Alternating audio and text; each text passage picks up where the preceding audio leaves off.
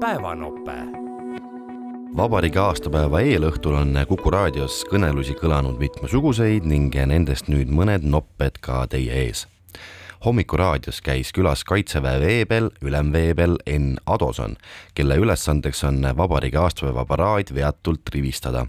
saatejuhid uurisid, kuidas ettevalmistused on läinud ettevalmistused on läinud hästi, ma olen nüüd viimase kahe nädala jooksul käinud, äh, reisinud siis üle Eesti ja vaadanud, kuidas meie üksused ette valmistavad ja ka nähtud pildiga olen jäänud rahule. täna on reedene päev ja sellised ettevalmistavad tegevused ilmselt veel jätkuvad, noh, mis siis täna Tallinnas täpselt toimub? tänapäeval me koguneme Sisekaitseakadeemiasse, kuhu siis tulevad esmakordselt kokku kõik sellel aastal äh, jalgsi marssivad üksused ja seal me teeme siis läbi ühe proovi ja õhtul juba kella kaheksa paiku koguneme me siis äh, Vabaduse väljaku lähedusse Kaarli puiesteele ja seal on siis peaproov koos juba tehnikaga, lahingtehnikaga. kui palju mehi äh, tänavu siis äh, noh, jalgsi oodata on? no meil on kokku, osaleb kaheksasada kakskümmend seitse osalejat, nende seas on meil neli teenistuskoera politseist ja meil on kolmkümmend üks ühikut tehnikat, mis siis äh, paraadist osa võtab.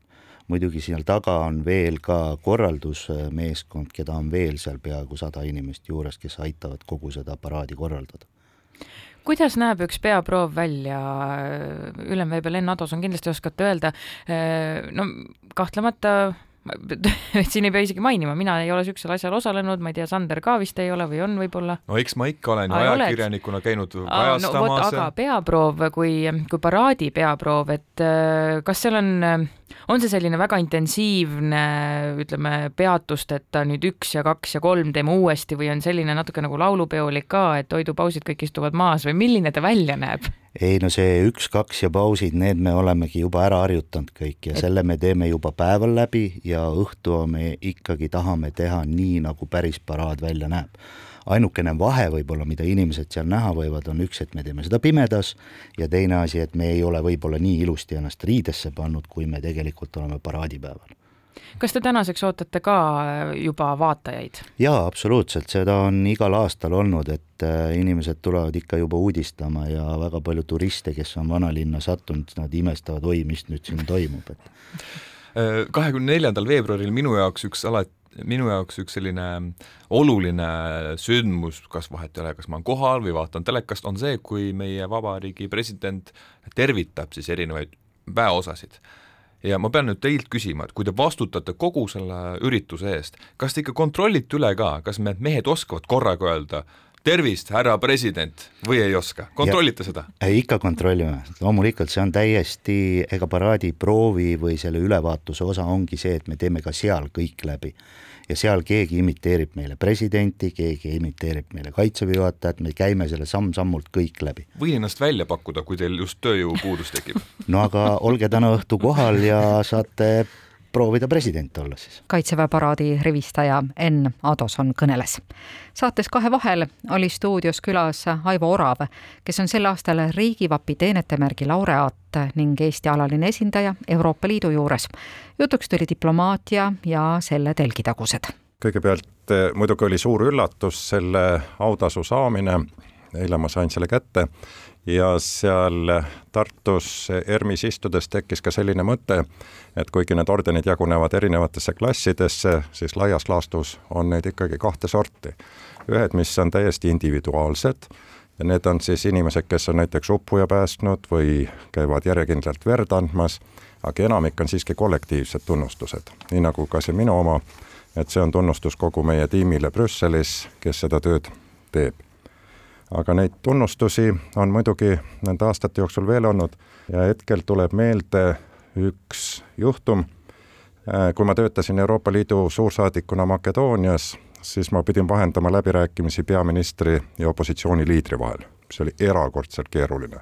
ja olukord oli erakordselt terav ja nüüd paar aastat hiljem, kui ma olin juba Montenegros Euroopa Liidu saadikuna, mu noorem poeg, kaheksateistaastane, oli mul seal külas me jalutasime talvisel ajal mere ääres ringi ja üks perekond oli seal. ja pereisa tuli minu juurde, küsis, et kas teie olete Aivo Orav, ma ütlesin, olen küll.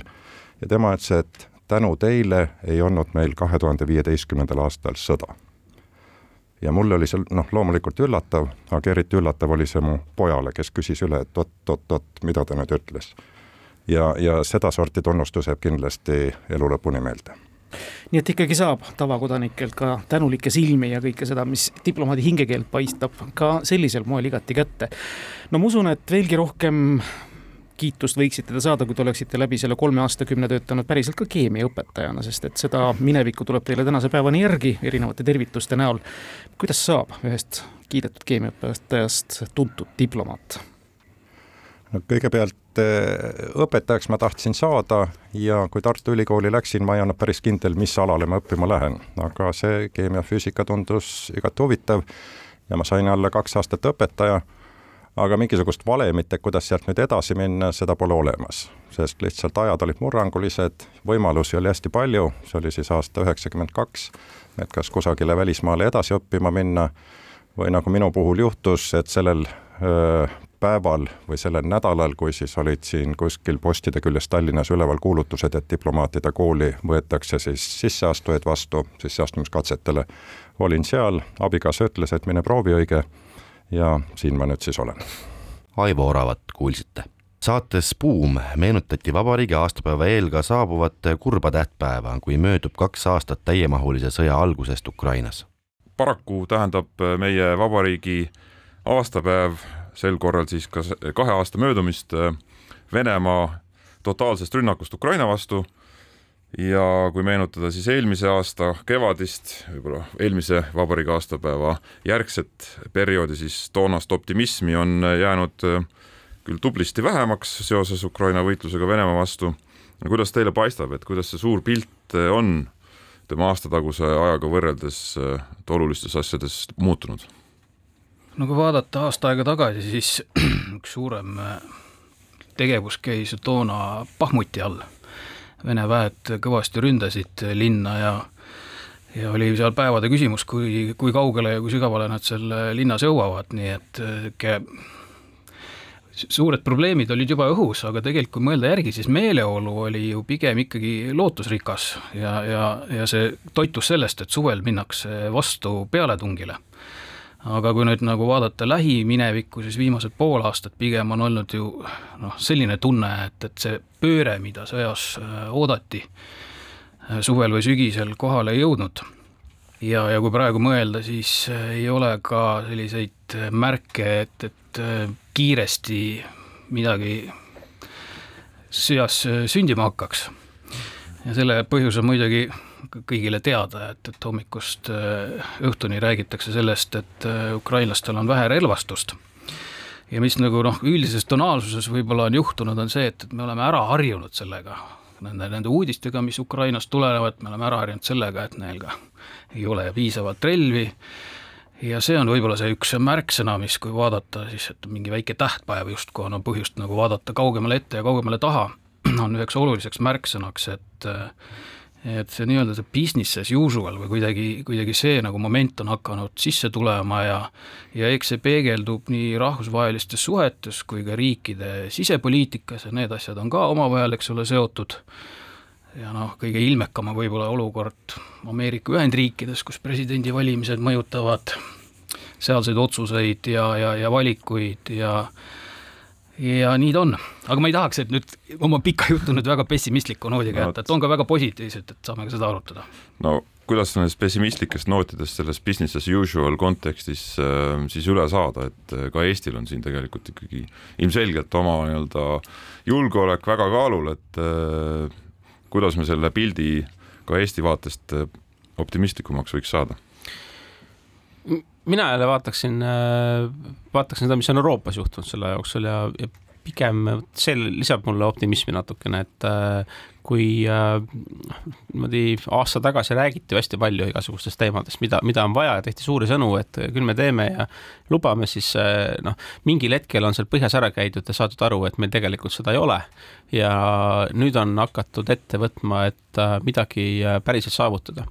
ehk need sellised nagu äh, see on nii-öelda nagu Balti riikide teadmine, et, et asjad on pahasti, see ikka, ikkagi nüüd on jõudmas tegudesse ka mujal, et äh, niisugune vastutuse võtmine Euroopa kaitsmise eest, et see, see on võib, võib-olla liiga vähe veel, aga on ikkagi jõudmas Euroopas tegudesse, mis minu meelest on hästi positiivne samm.